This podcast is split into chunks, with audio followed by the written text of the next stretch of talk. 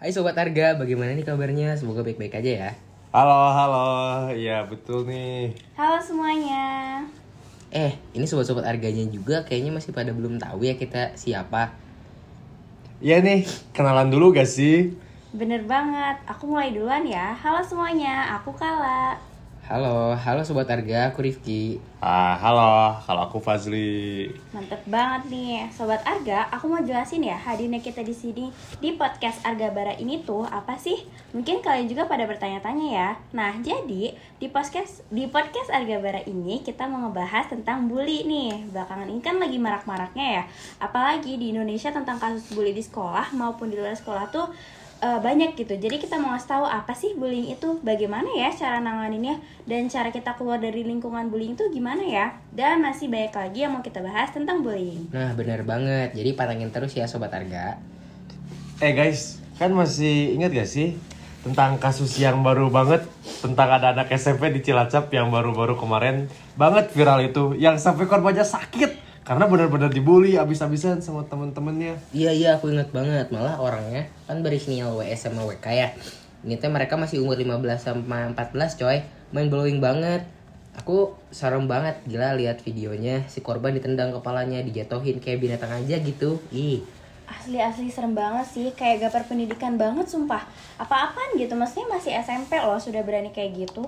Nah, itu tuh kata berita yang aku baca sih motif pelaku buat ngelakuin itu karena si korbannya yang mengaku bahwa dia teh masuk ke sebuah kelompok barisan siswa gitu atau basis lah. Nah, si pelaku tuh nggak suka jadi dibully aja dia teh sampai tulang rusuk sebelah kirinya patah. Kalau dilihat-lihat lagi sih, pelajar sekarang masih jauh banget dari kata pelajar Pancasila.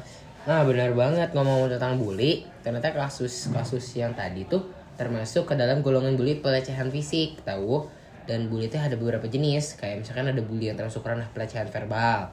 Ada yang masuk ke ranah pelecehan sosial pelecehan fisik kayak yang tadi. Lalu ada juga secara emosional guys Wah banyak juga ya ternyata macam-macam eh, bully tuh. Tapi sebelum itu aku pengen nambahin dulu nih tentang apa sih bullying itu.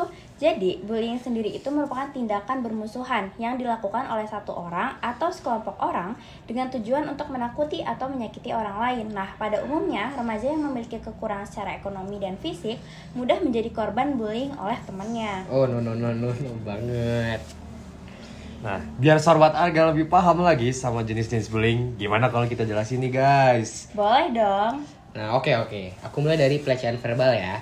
Nah, jadi pelecehan verbal adalah bullying berupa tindakan menghina, mencela, mengancam atau melecehkan secara verbal korban dengan kata-kata yang merendahkan dan menyakitkan. Lalu lalu nih ada pelecehan fisik. Nah, bullying ini melakukan tindakan kekerasan fisik seperti pukulan, tendangan, menjebak rambut atau mengenai si, si korban secara fisik kayak gitu. Nah, terus ada juga pelecehan sosial. Nah, ini juga merupakan tindakan mengecualikan, mengisolia- mengisolasi atau menurunkan nasib dan fitnah terhadap korban. Pelaku juga bisa memanfaatkan media sosial atau teknologi untuk menyebarkan pesan negatif tentang korban. Dan yang terakhir tuh ada pelecehan emosional.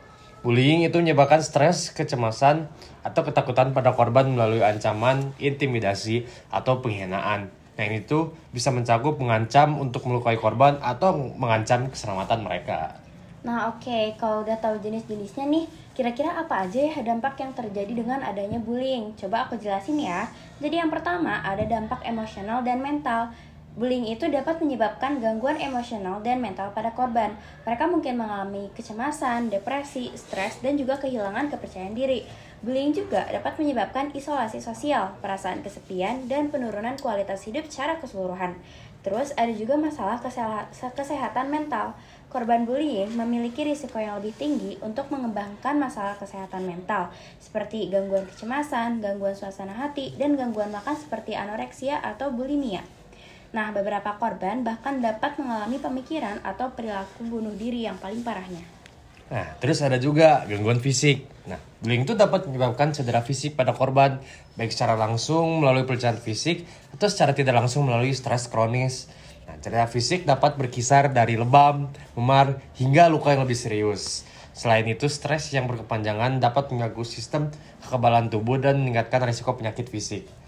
Ke, itu empat ada performa akademik yang menurun.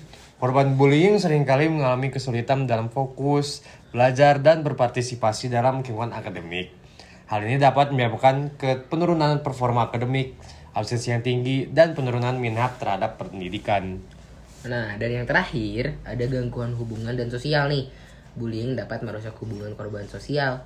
Mereka mungkin kesulitan mencari, mempercayai orang lain dan mengembangkan persahabatan mereka atau berinteraksi secara sosial.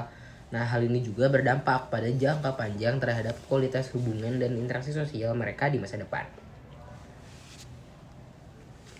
Nah, ternyata banyak juga ya dampaknya dari bullying. Nah, buat sobat Arga tenang aja. Kita juga bakal kasih tahu nih, gimana sih cara mengatasi bullying tuh? Oke, jadi cara mengatasi bullying yang pertama ada tanggapi kejadian itu dengan serius. Terus hargai dan berterima kasihlah pada korban karena telah melapor kepada Anda. Yakinkan dia bahwa itu bukan salahnya. Tunjukkanlah empati, terus bantu korban yang dibully untuk membela dirinya sendiri bahwa dia bisa mengatakan tidak suka jika dikerjai oleh temannya. Tanyakan kepada korban tentang apa yang dapat dilakukan untuk membuat dia merasa aman. Nah, terus ada bicaralah dengan setiap korban yang terlihat dalam situasi ini secara terpisah.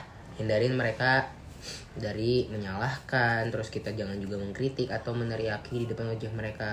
Dorong dan hargai nilai kejujuran mereka. Nah, pertimbangkan peran atau pengaruh kelompok sebayanya.